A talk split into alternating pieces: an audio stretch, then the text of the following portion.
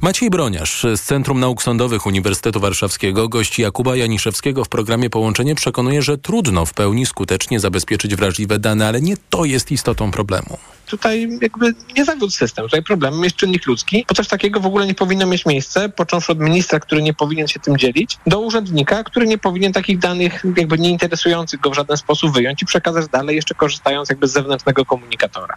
Otwarte pozostają pytania o odpowiedzialność karną i cywilną ministra Niedzielskiego. Lekarz Piotr Pisula, którego z przepisania leków psychotropowych rozliczał minister, nie wycofuje żądania przeprosin i zadośćuczynienia.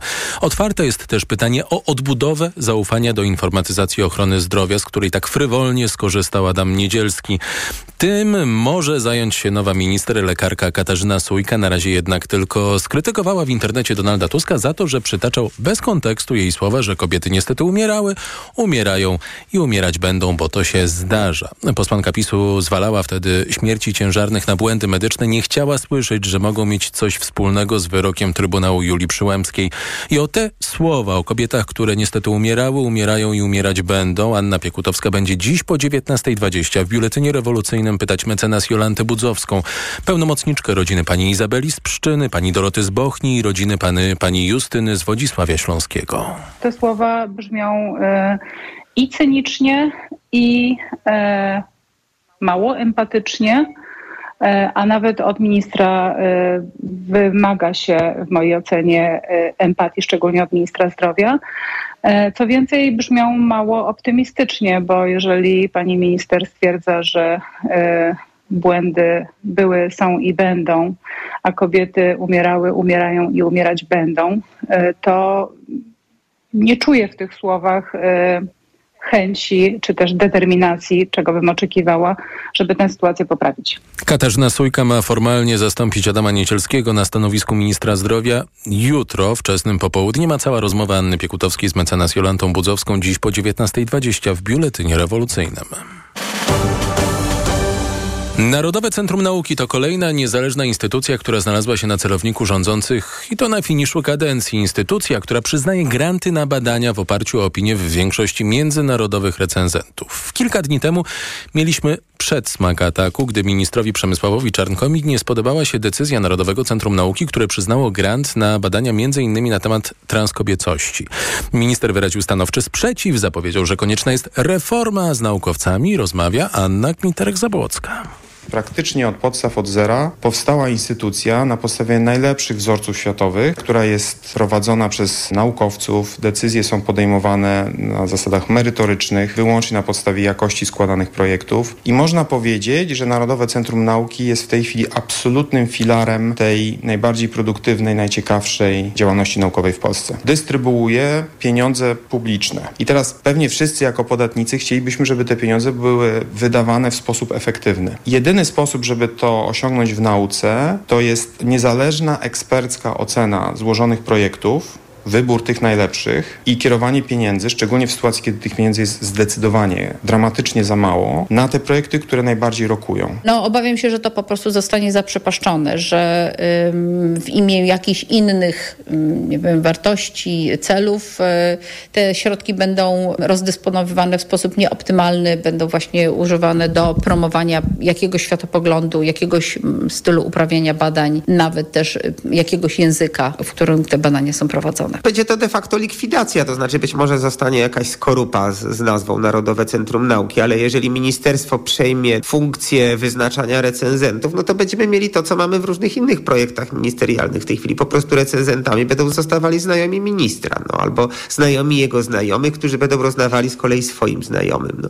Będą to ludzie za nic nieodpowiedzialni, bez dorobku, bo to, to, coraz częściej jest taka, no, następuje taka wymiana, to też trzeba sobie o tym powiedzieć, że niestety reformy PiSu i, i jak gdyby, czy właściwie demontaż polskiej nauki spotyka się z życzliwym przyjęciem pewnej części środowisk naukowych, no przede wszystkim tych środowisk naukowych, badaczy, którzy nie potrafią napisać artykułu po angielsku, nawet gdyby ich życie od tego zależało. No nie, nie są w stanie się przebić do, na poziom międzynarodowy. Dla nich ta władza jest szansą, żeby swoje, no powiedzmy sobie szczerze, niedostatki warsztatowe i brak talentu y, ubrać w szaty tego, że oni są właśnie prawdziwymi patriotami, którzy walczą o, narodowe wartości. Wydaje mi się, że ta autonomia, którą cieszy się centrum w tej chwili, zostanie radykalnie ograniczona e, i takiej niezależnej instytucji przyznającej e, środki na badania naukowe w oparciu o zewnętrzną, niezależną ocenę ekspercką po prostu w Polsce nie będzie. Tego się bardzo obawiam, ponieważ kiedy go zabraknie, właściwie dla wielu osób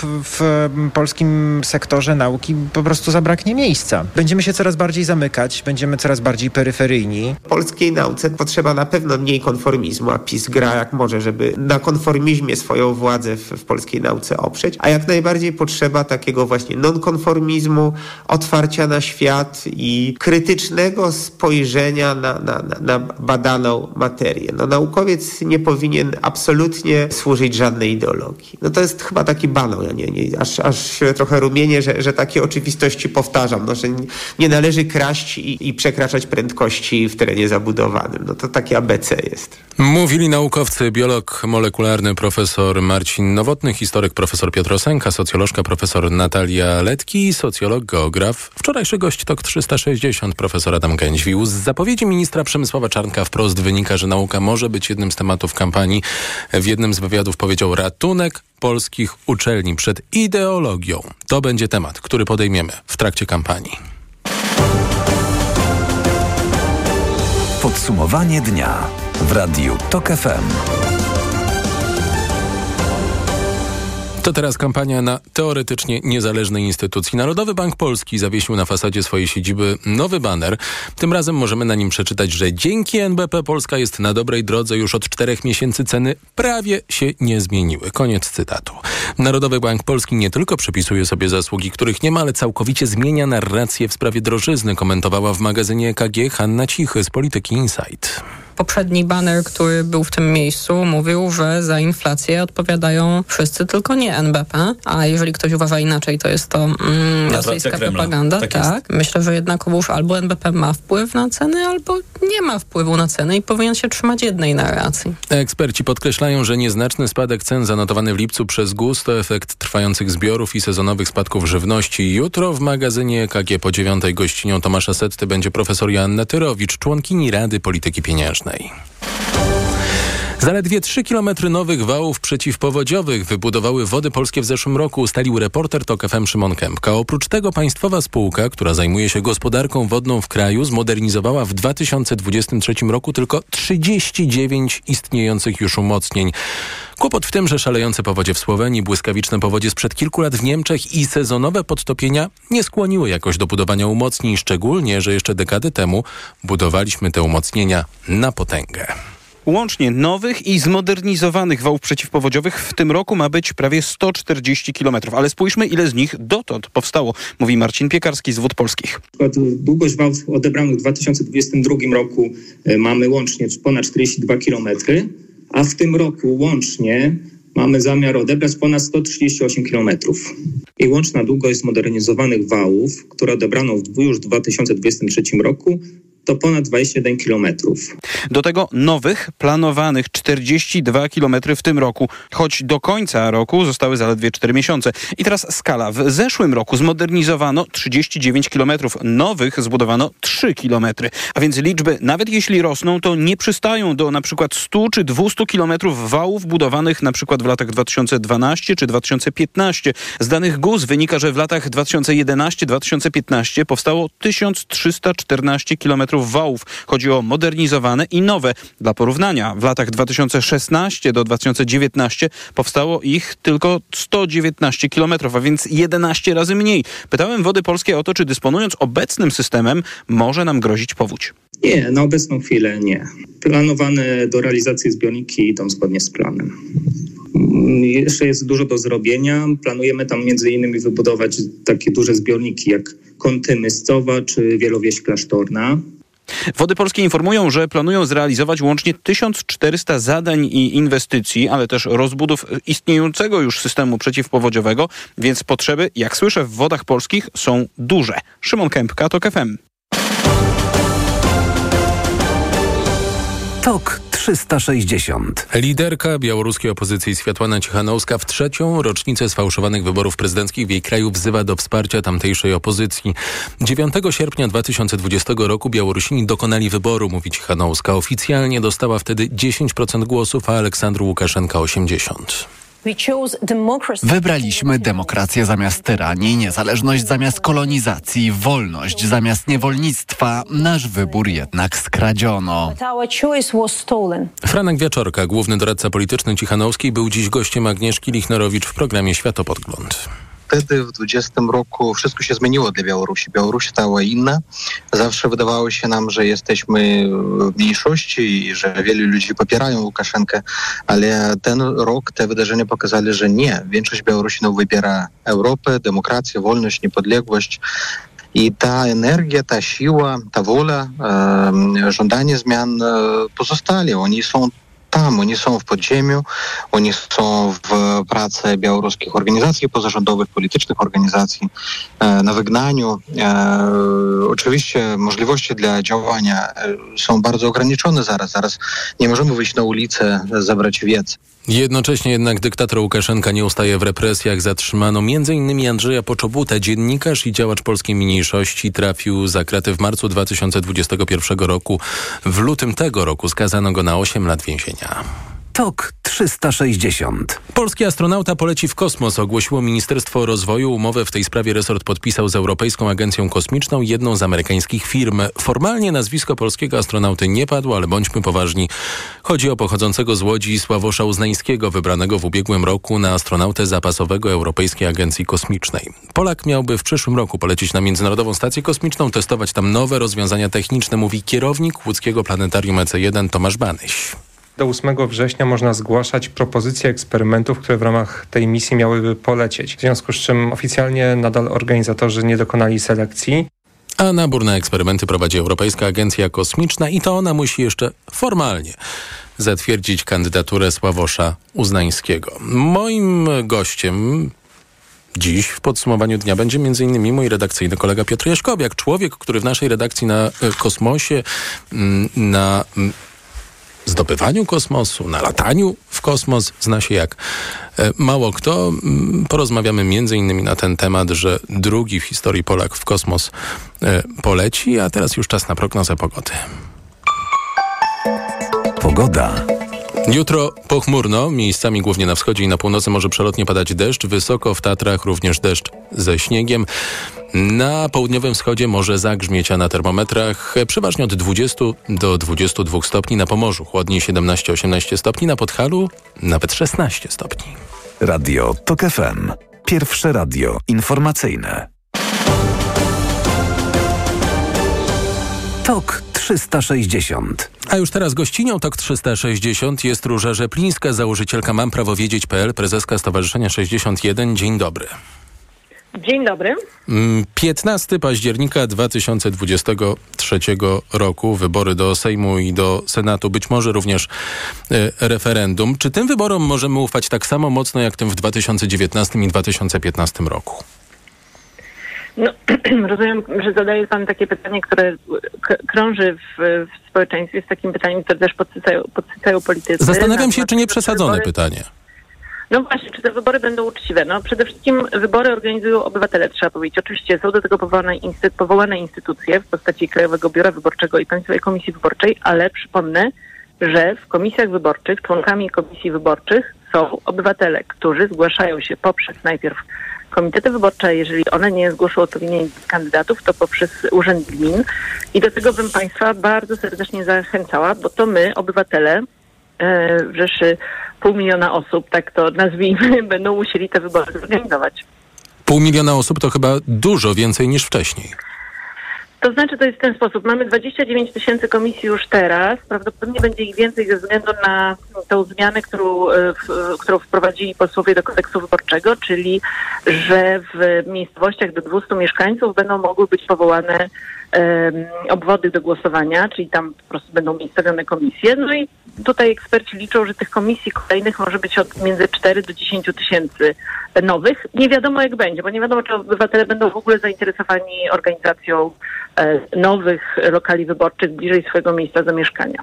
A jeśli nie będą, to te lokale mm, nie powstaną, bo y, jeżeli dobrze y, rozumiem zmiany w kodeksie y, wyborczym, no to ten kodeks nakłada obowiązek stworzenia takich no tak, nakłada obowiązek w momencie, kiedy zgłosi się grupa mieszkańców, e, którzy w tej miejscowości do 200 mieszkańców będą chcieli taki lokal wyborczy mieć. Wtedy ten obowiązek do jego powołania jest. Natomiast jakby wracając do podstawowego pytania, tego pierwszego, które pan zadał o uczciwość wyborów. To jest tak, że kampania wyborcza w Polsce trwa od e, mniej więcej 6 miesięcy i to już jest pierwszy powód do tego, żeby sobie powiedzieć, te wybory nie do końca są uczciwe. E, z tego powodu, że kampania trwa, a my o tym oficjalnie nie wiemy i też nie możemy rozliczać polityków z wydatków, które ponoszą w związku z tym. Ona zaczyna się, zaczęła się dzisiaj, wraz, wczoraj wraz z ogłoszeniem przez e, pana prezydenta mm, daty wyborów oficjalnie, ale tutaj znowu mamy pewną nierówność, dlatego że e, partia rządząca ma dostęp do chociażby mediów tak zwanych publicznych, poprzez które w dość szczególny sposób promuje działalność rządu, a co za tym idzie, swojego komitetu wyborczego, który do końca miesiąca, do 28 e, sierpnia będzie, e, będzie musiał ten komitet zostać, być, e, być zawiązany.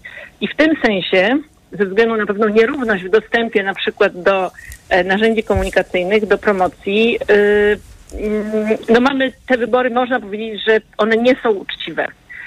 Ale kolejnym etapem jest to, że te wybory będą zorganizowane w dniu wyborów, czyli 15 października. I tam mamy takich trzech aktorów wyborczych. Jednym jest właśnie wspomniany przeze mnie członek czy członkini komisji wyborczej, czyli osoba, która odpowiada w danym dniu razem z pozostałymi, pozostałymi członkami komisji, czyli to jest takie grono kolegialne, za przeprowadzenie dnia głosowania, żeby te wybory były uczciwe, rzetelne, wolne, równe i żeby każdy z nas w sposób godny e, i z pewnością, że głos zostanie policzony uczciwie, mógł głos oddać. Ale mamy jeszcze dwie osoby, to jest mąż zaufania i obserwator e, społeczny. Mąż zaufania, czyli osoba, która z ramienia, z ramienia Komitetu Wyborczego e, pilnuje e, zgodności tego dnia głosowania z, z kodeksem wyborczym. I drugą osobą jest obserwator społeczny, czyli osoba, która z ramienia organizacji pozarządowej, czyli taka już zupełnie niezależna od, od kandydujących, że tak powiem. Ona obserwuje e, proces wyborczy i e, może nagłaśniać nieprawidłowości, które zauważa. Czyli odsuwając na bok e, te bardzo głośne nieraz głosy o fałszerstwach, czy też to jest delikatne, okre, delikatniejsze określenie i rozumiem, że jego pani używała nieuczciwości.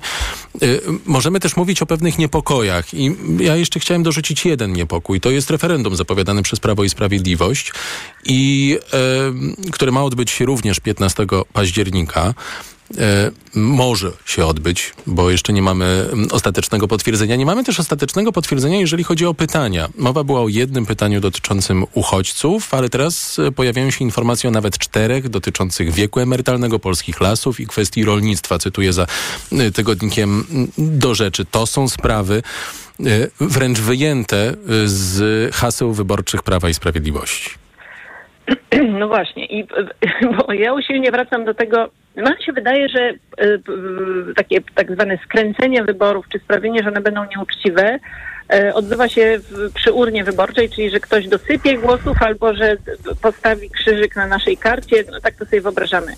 No nic bardziej mylnego, dlatego że ta ta manipulacja wyborami i ich wynikiem, ona się odbywa wcześniej. Po, po, pierwsze, poprzez dostęp do pewnych dóbr, dóbr infrastruktury, czy możliwości finansowania promocji wyborczej, ale to, na co Pan zwrócił uwagę, to jest olbrzymi problem, przed którym stoimy w Polsce. Mamy już doświadczenie w naszym regionie e, wyborów, które, wraz z którymi było, było przeprowadzone referendum, to są Węgry. I czemu to służy w Polsce? No, ja stawiam taką tezę, że w Polsce ta druga kampania równoległa, która się będzie działała do kampanii wyborczej, kampania referendalna, służy niczemu innemu, jak tylko równoległemu sfinansowaniu, czyli przekroczeniu limitu, który ma komitet wyborczy maksymalnie 30 milionów y, w tej chwili limitu na wydatki wyborcze i zrobienie równoległej kampanii z równoległym budżetem, za który odpowiada podmiot, który będzie organizował kampanię referendalną i ten podmiot też złoży te pytania, i to, znaczy zaproponuje, jak rozumiem, te pytania. I to pytanie, które pan zadał, no jest zasadne, to znaczy, dlaczego my mamy dwukrotnie wypowiadać się na temat poparcia lub nie e, polityki e, czy wygranej e, określonego komitetu wyborczego? Przecież kandydaci Prawa i Sprawiedliwości będą głosić te hasła wyborcze na wiecach, poprzez ulotki, media społecznościowe i tak dalej. A my mamy się wypowiedzieć dwukrotnie, to znaczy raz powiedzieć głosuję za panem czy panią X, a drugi raz głosuję za polityką, za, która, za, za którą pani czy pan X y, y, chce ją realizować. Czuję się trochę bezradny tam... wobec tej manipulacji, bo tutaj nie pomoże żaden mąż zaufania ani obserwator społeczny. No, tym, że wyborcy mogą dokonać wyboru, bo mogą zrobić trzy rzeczy w trakcie tego referendum. Znaczy, otrzymując trzy karty do głosowania, bo otrzymamy kartę do głosowania na, z listą posłów, kandydatów na posłów i posłanki, kartę do głosowania z, z listą kandydatów na senatorów i senatorki i kartę do głosowania referendalną. Można zagłosować tak, nie, czyli wypowiedzieć się w tych wszystkich pytaniach, ale można również oddać głos nieważny, czyli zrobić to, co zrobili Węgrzy, yy, oddając karty nieważne.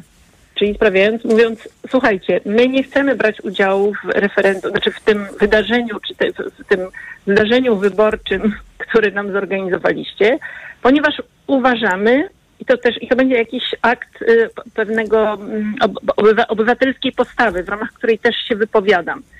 Ale też może być tak, że obywatele będą się chcieli wypowiedzieć, bo skoro władza zadaje pytanie, no to na pytanie tej władzy można odpowiedzieć. No i tu jest to, to, to, to, że tak powiem, w przyszłym tygodniu prawdopodobnie dowiemy się, jak będą wyglądały pytania referendalne, bo zgodnie z tym, co, co podejrzewają posłowie opozycji, bo mm, wśród nich taka odpowiedź krąży. Prawdopodobnie na tym kolejnym Sejmie, czyli 17 i 18 e, sierpnia, e, będzie podjęta uchwała dotycząca referendum i E, zostaną ogłoszone te pytania referendalne. I wtedy obiecuję zanalizować każde słowo. Bardzo dziękuję. Róża Rzeplińska, założycielka Mam Prawo Wiedzieć.pl i prezeska Stowarzyszenia 61 była gościnią TOK 360. Za chwilę Marcin Żyła z tygodnika mm, powszechnego. 41 migrantów zginęło, gdy łódź, którą płynęli, wywróciła się na Morzu Śródziemnym. Reklama. Wiadomość z ostatniej chwili. W salonach Toyoty ruszyła właśnie sezonowa wyprzedaż. Nowe auta dostaniesz na niej w niesamowitej ofercie. Na przykład stylową, kompaktową i zwinną, po prostu idealną do miasta Toyota Aygo Cross możesz mieć z korzyścią do 4000 zł. A do tego, uwaga, niemalże od ręki. Nie czekaj, tego po prostu nie można przegapić.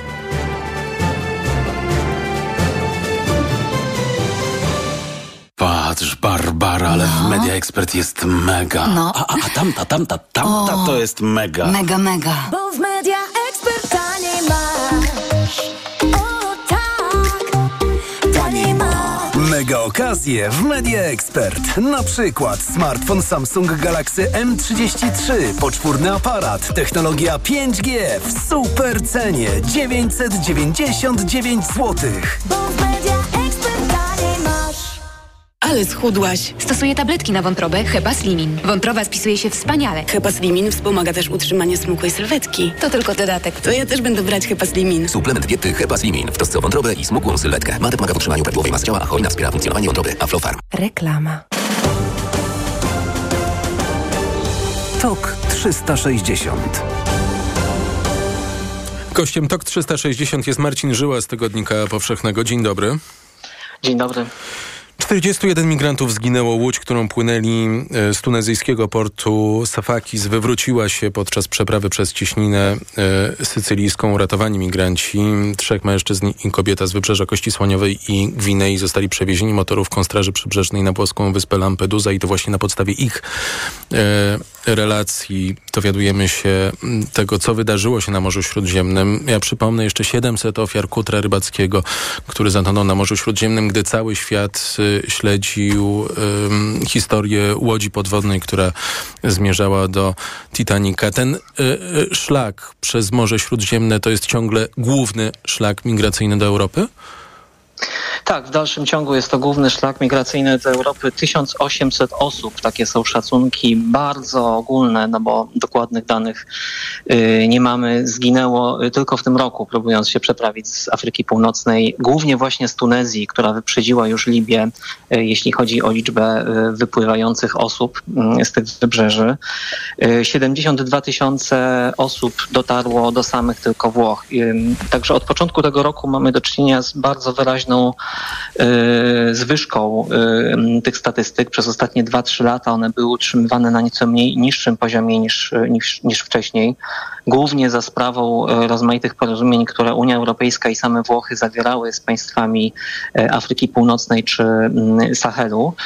No ale ten rok to jest właśnie zwyżka tych przepłynięć i coraz więcej niestety wypadków. Te wypadki one się wydają, kiedy czytamy te newsy, kiedy o nich mówimy, być może w pewien sposób podobne do siebie, ale tak naprawdę każdy z nich to jest zupełnie osobna historia. Ten, o który, z którego powodu dzisiaj się, dzisiaj rozmawiamy, And. Mm, ta, ta łódź wypłynęła w czwartek. E, dość szybko, po kilku, kilkunastu godzinach e, przewróciła ją wielka fala.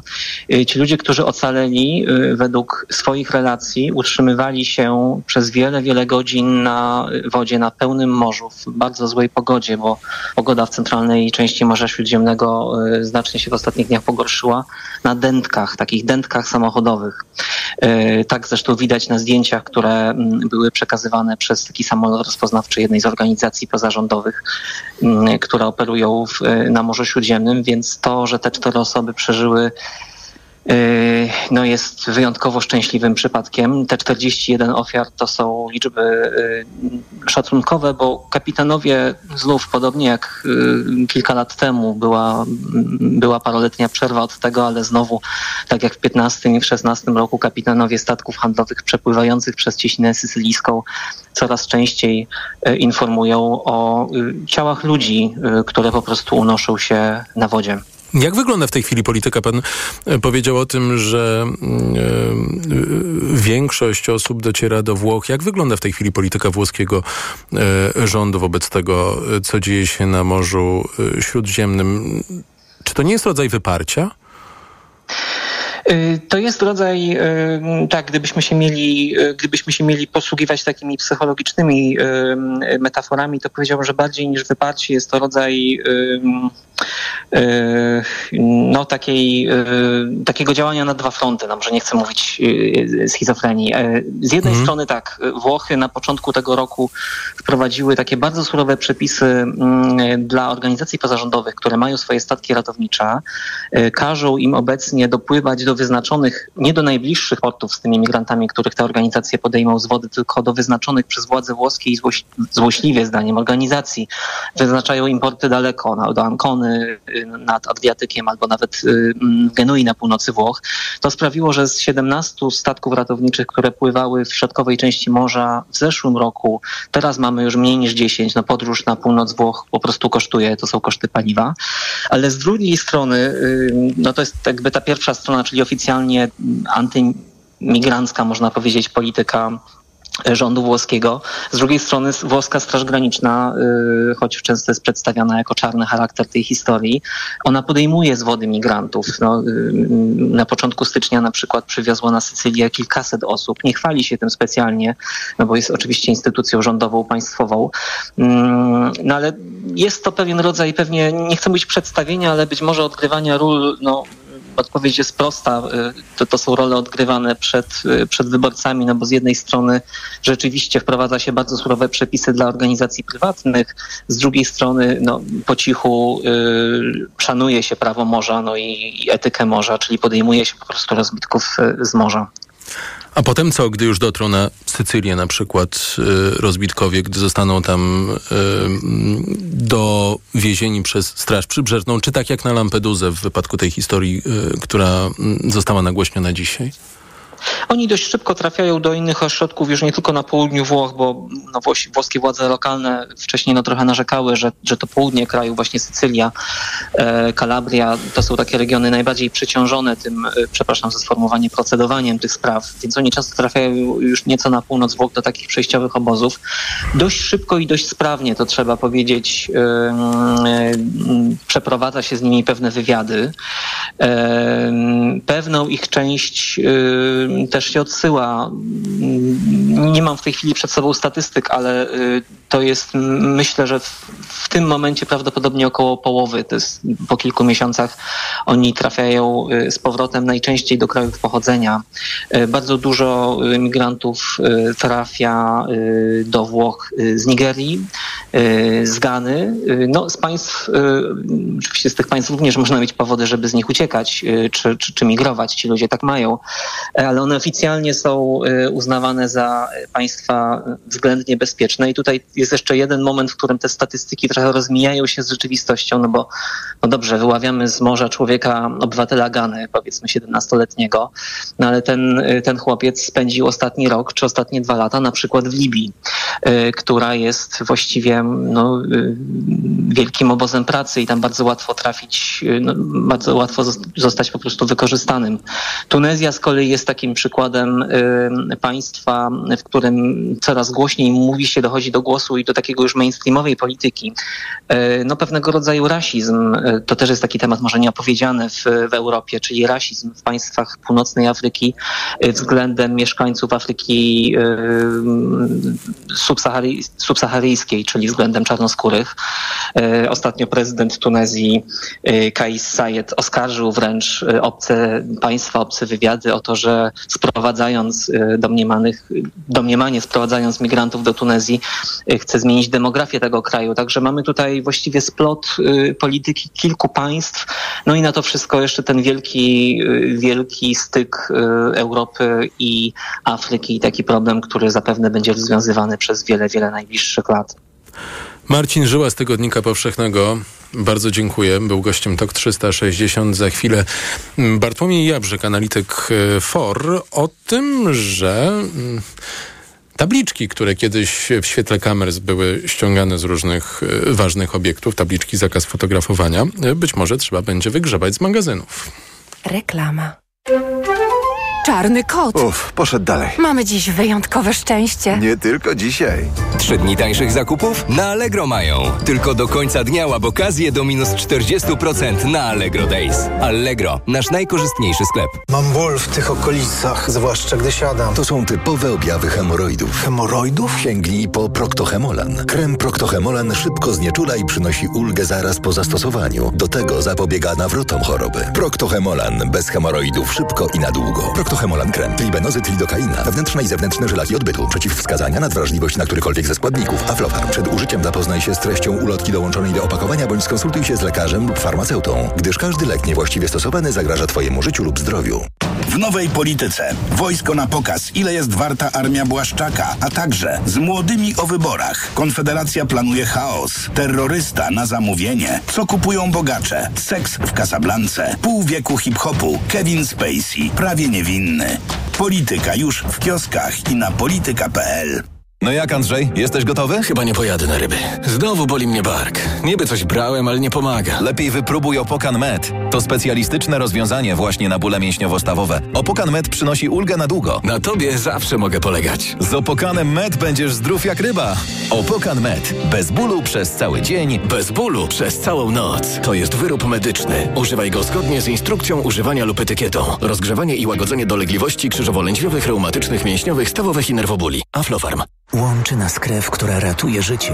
Bo dla mnie to chwila. Dla kogoś całe życie. Bo tętni w nas dobro. Jest wiele powodów, by oddawać krew. Zgłoś się do najbliższego centrum krwiodawstwa. Oddaj krew i uratuj czyjeś życie. Sprawdź na twojakrew.pl. Nawet nie zdajemy sobie sprawy, ile rodzajów grzybów powoduje grzybice stóp. Dermatofity, drożdżaki, pleśnie i wiele innych. Lecząc grzybice, sięgnij po Steper Pro. Steper Pro zapewnia prawidłowe leczenie grzybicy dzięki wyjątkowo szerokiemu działaniu na różne rodzaje grzybów. Steper Pro. Szerokie spektrum leczenia grzybicy. To jest lek. Dla bezpieczeństwa stosuj go zgodnie z ulotką dołączoną do opakowania i tylko wtedy, gdy jest to konieczne. W przypadku wątpliwości skonsultuj się z lekarzem lub farmaceutą. 1 gram kremu zawiera 10 mg glifonazolu. Wskazania. Miejscowe leczenie zakażeń grzybiczych skóry wywołanych przez dermatofity, drożdżaki, pleśnie i inne gatunki grzybów. Aflofarm.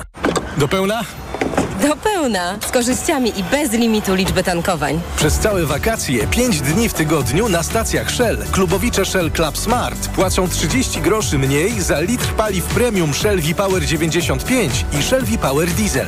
Teraz otrzymujesz najwyższą jakość w najlepszej cenie i tankujesz z rabatem tyle razy, ile tylko chcesz. Zyskuj więcej z Shell Club Smart. Szczegóły oferty na shell.pl. Jesteś dziennikarzem podejmującym tematy ubóstwa, polityki publicznej i pomocy społecznej? Weź udział w konkursie Twarze Ubóstwa imienia Bartosza Bioduszewskiego.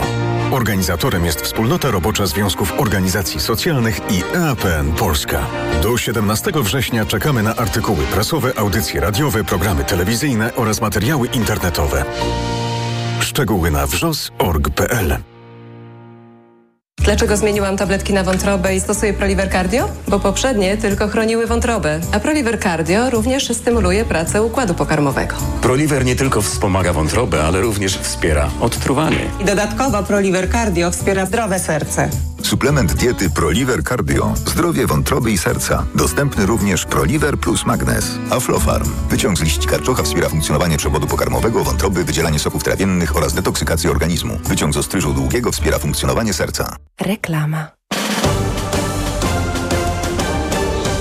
TOK 360. A gościem TOK 360 jest Bartłomiej Jabrzyk, analityk FOR. Dzień dobry. Dzień dobry Państwu. Rozmawiać będziemy o mm, przyjętych przez Sejm zmianach w kodeksie karnym i innych ustawach, między innymi ustawie o obronie ojczyzny, gdzie to y, znalazł się zakaz y, fotografowania, jak odnotowuje pan w analizie, bardzo szeroko zdefiniowanych obiektów o znaczeniu strategicznym. Czy za selfie na Placu Powstańców Warszawy na tle nowego baneru mm, NBP, który mówi o tym, że ceny prawie nie rosną, mogą nas czekać w przyszłości kłopoty? Y, tak, y, siedziba NBP znajduje się w wykazie obiektów y, strategicznych, który jest na który został wydany na podstawie ustawy o ochronie, o obronie ojczyzny. I niestety ten wykaz jest informacją niejawną. To znaczy, my nie wiemy, czy obiekty NBP znajdują się na wykazie.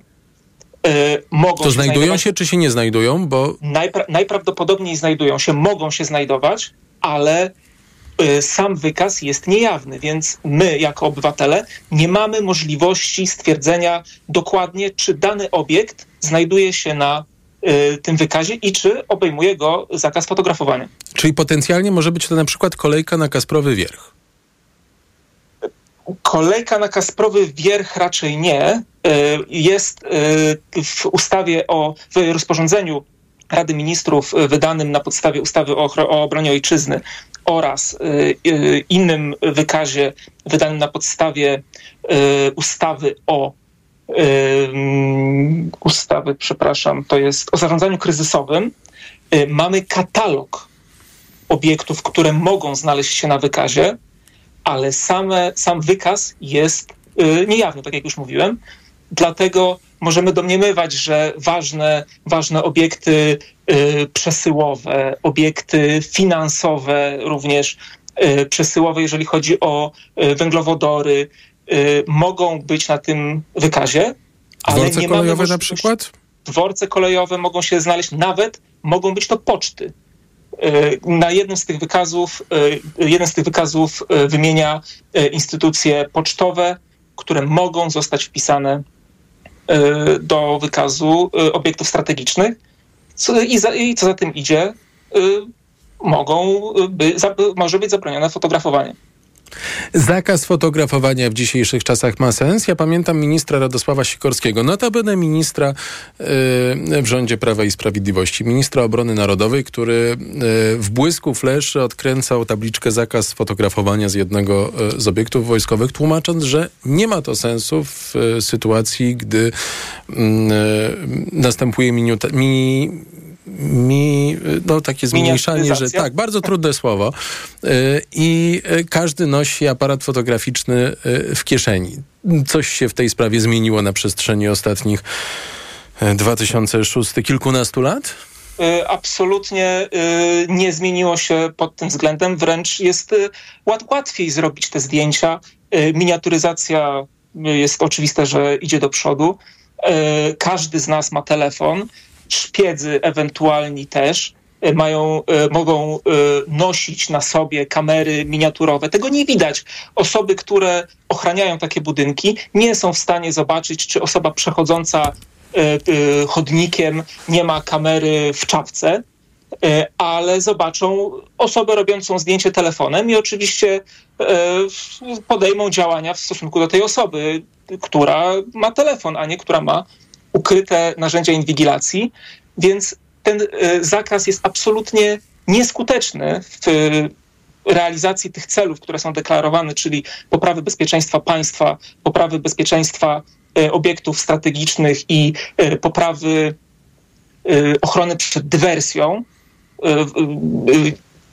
ale jest dramatycznie wchodzi w życie zwykłego obywatela. Bo tak jak pan wspomniał, to nie musi być. E, e, ustawa operuje wielkimi słowami. Obiekty strategiczne, bezpieczeństwo państwa, udział w obcym wywiadzie, ale jeżeli dokonamy już takiego konkretyzacji, które obiekty w rzeczywistości mogą i prawdopodobnie będą objęte tym zakazem. Na przykład szpital, są... z, któremu, z którego wychodzimy i chcemy sobie zrobić zdjęcie na tle, że już jesteśmy zdrowi.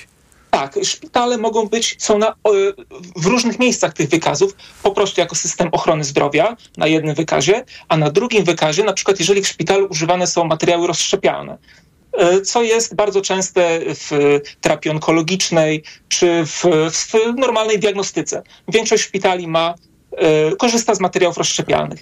Taki obiekt, ten szpital, jest obiektem strategicznym, nie wolno sobie zrobić e, zdjęcia w tle, można podlegać karze nawet aresztu.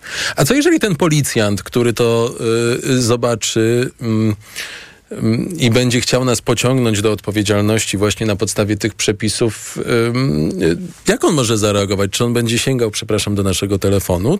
tu też jest chyba pole do nadużyć. Tak, oczywiście, oczywiście będzie miał prawo zatrzymać telefon, aparat czy inne urządzenie, które użyliśmy do zarejestrowania tego obrazu. Z tego względu, że ustawa przewiduje możliwość orzeczenia przypadku takiego urządzenia, które zostało wykorzystane do popełnienia tego wykroczenia. Więc nawet jeżeli absolutnie nie ma podstaw do, nie daliśmy podstaw, po prostu szliśmy z telefonem w ręku chodnikiem w Alei Niepodległości, minęliśmy Ministerstwo Obrony Narodowej.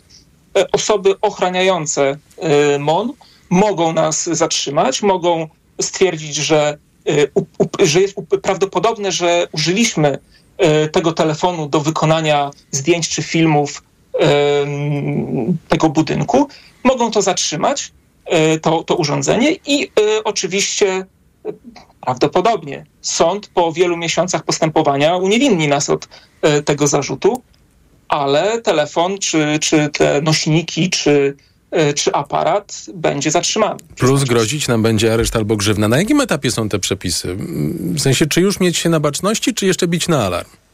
E, przepisy zostały uchwalone już przez Sejm i poszły do Senatu. Niestety komisje senackie E, wniosły poprawki do ustawy, ale niestety nie w tym e, zakresie, o którym mówimy, czyli e, nie w sprawie zakazu fotografowania. I teraz ustawa wróciła do Sejmu i jest znowu wróciła do komisji sejmowych i będzie głosowana przez Sejm. Bardzo dziękuję. Bartłomiej Jabrzyk, analityk FOR, był gościem TOK 360. Póki co możemy fotografować siedzibę NBP. Ostatnia okazja. A tam ciekawy baner o tym, że ceny prawie y, nie rosną. Już za chwilę Piotr Jaśkowiak, mój redakcyjny kolega, o tym, że drugi Polak y, poleci w kosmos, może nie licząc y, astronauty pochodzenia polskiego, który też w kosmos poleciał już po generale Mirosławie Hermaszewskim, a przed Sławoszem Uznańskim.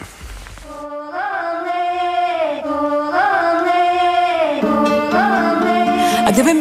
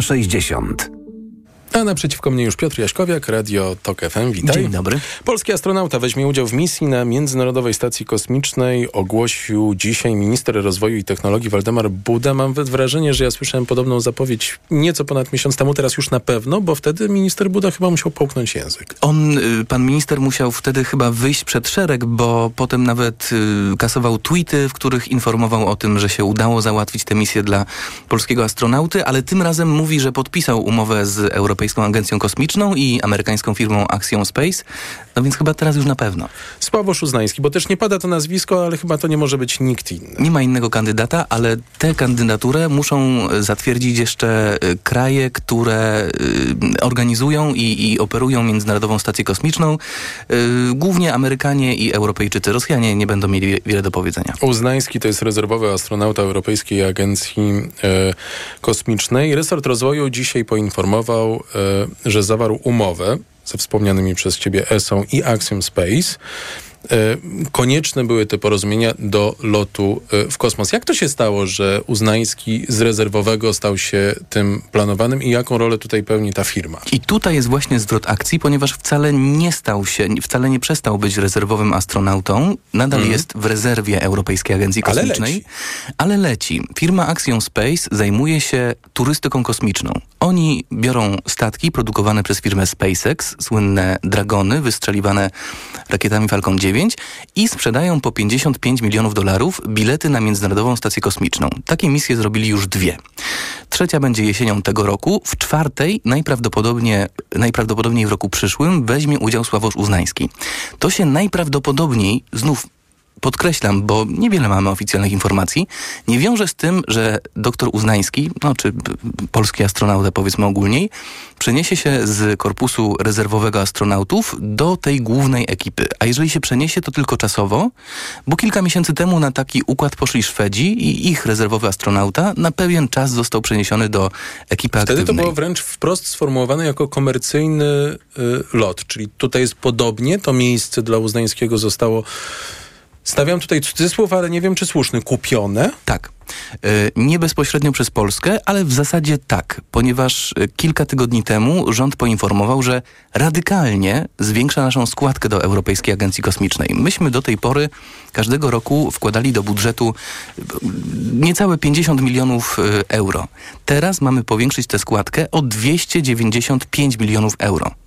I należy przypuszczać, że to są pieniądze, które pójdą na lot Słowosza Uznańskiego oraz okolice, bo doktor Uznański, czy znów polski astronauta, ma na orbicie, na pokładzie Międzynarodowej Stacji Kosmicznej zająć się eksperymentami przygotowanymi przez polski przemysł kosmiczny, przez Polską Akademię. Dla naszych firm to wyjątkowa okazja do zdobycia unikatowego doświadczenia, które będzie potwierdzeniem wysokiej jakości polskich produktów. To jest również cytat z ministra Budy. To jest prawda, z tym, że czasu jest bardzo mało, bo nabór nabór y, propozycji na eksperymenty, na badania, które mógłby polski astronauta przeprowadzić. Y, on się kończy we wrześniu, a na stronie ESA jest informacja, że w zasadzie to najlepiej byłoby, gdyby te eksperymenty były przygotowane do maja przyszłego roku, bo to jest najwcześniejszy możliwy termin ich realizacji.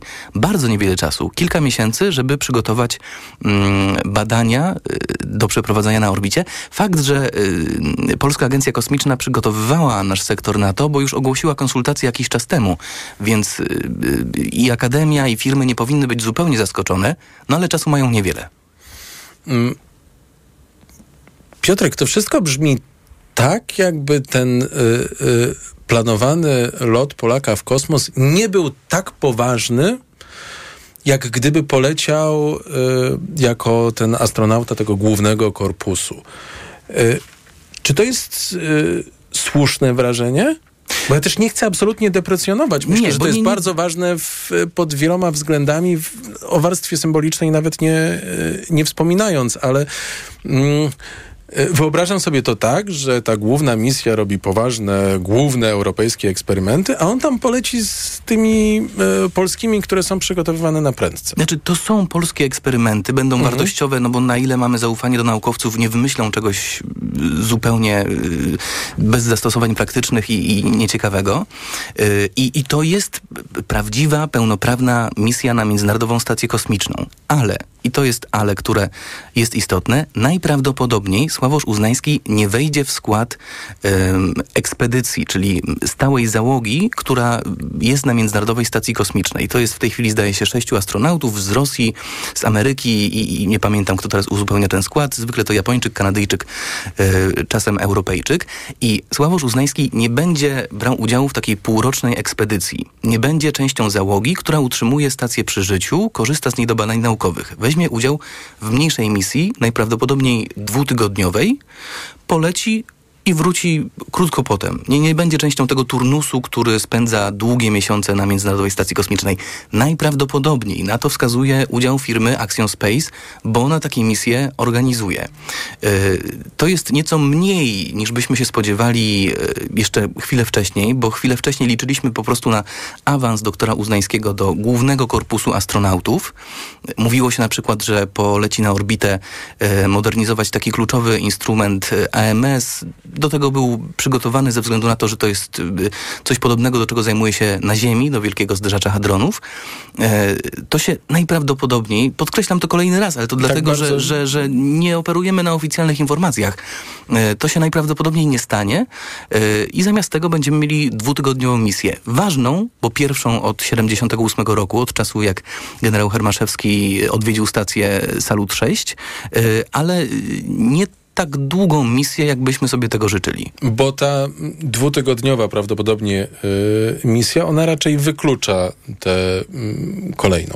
Dobrze rozumiem. Gdybym miał bawić się w szalonego optymistę, to powiedziałbym, że w dalszej perspektywie czasowej zwiększa szansę Sławosza Uznańskiego, Mhm. bo będzie już człowiekiem z doświadczeniem i, i być może to w, w szerszej perspektywie, w dalszej perspektywie b- będzie go stawiało na, na, na- na lepszej pozycji, mm, jeśli chodzi o awans do głównej ekipy astronautów ESA, ale to są już dzikie spekulacje. Na razie wiemy tylko o tej misji najprawdopodobniej dwutygodniowej w przyszłym roku. 2024 rok.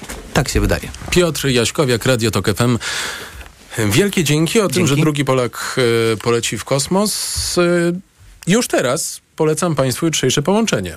Gościem Jakuba Janiszewskiego po 13 będzie profesor mm, Grzegorz Wrochna, prezes Polskiej Agencji Kosmicznej, więc e, będzie okazja, żeby podrążyć to wszystko, o czym e, rozmawialiśmy e, przed chwilą.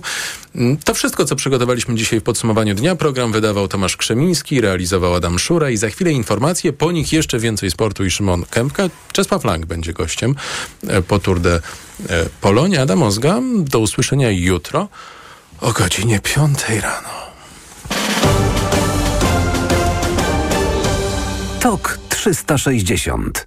Widać wyraźnie, że w kwietniu ubiegłego roku nie chodziło o głodną Afrykę i Bliski Wschód, tylko przede wszystkim chodziło o wsparcie dużych koncernów międzynarodowych na Ukrainie w sprzedaży produktów żywnościowych, które czasowo były zablokowane przez blokadę na Morzu Czarnym. Miesiącami zapewnialiście, że wszystko jest pod kontrolą, że zboże z Ukrainy nie wjeżdża, że jest kontrolowane. Tymczasem wjechało zboże techniczne. To wy zafundowaliście dzisiaj Polakom, nam wszystkim, że jemy w naszym polskim chlebie chleb z mąki z mielonymi z robakami. Robakami, które przyjechały w zbożu technicznym. Jestem bardzo sceptyczny odnośnie tego, czy można skutecznie tą sytuację poprawić do żniw. I dziwi mnie brak reakcji rządu przez te wiele, wiele miesięcy, bo to nie jest problem, który wybuchnął w ostatnim tygodniu. Radio TOK FM. Pierwsze radio informacyjne. Posłuchaj. Aby zrozumieć. Dobre pytania są tu zawsze w cenie. A czy możemy to przełożyć jakoś na konkretne liczby? Wiek emerytalny w Polsce powinien wynosić 70 lat?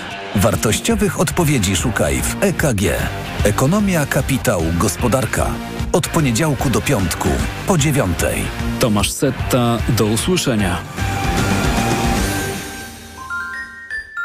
Reklama. Jestem lekarzem dermatologiem i wiem, że stosując pomadkę do ust myślimy głównie o nawilżeniu. To za mało, dlatego sam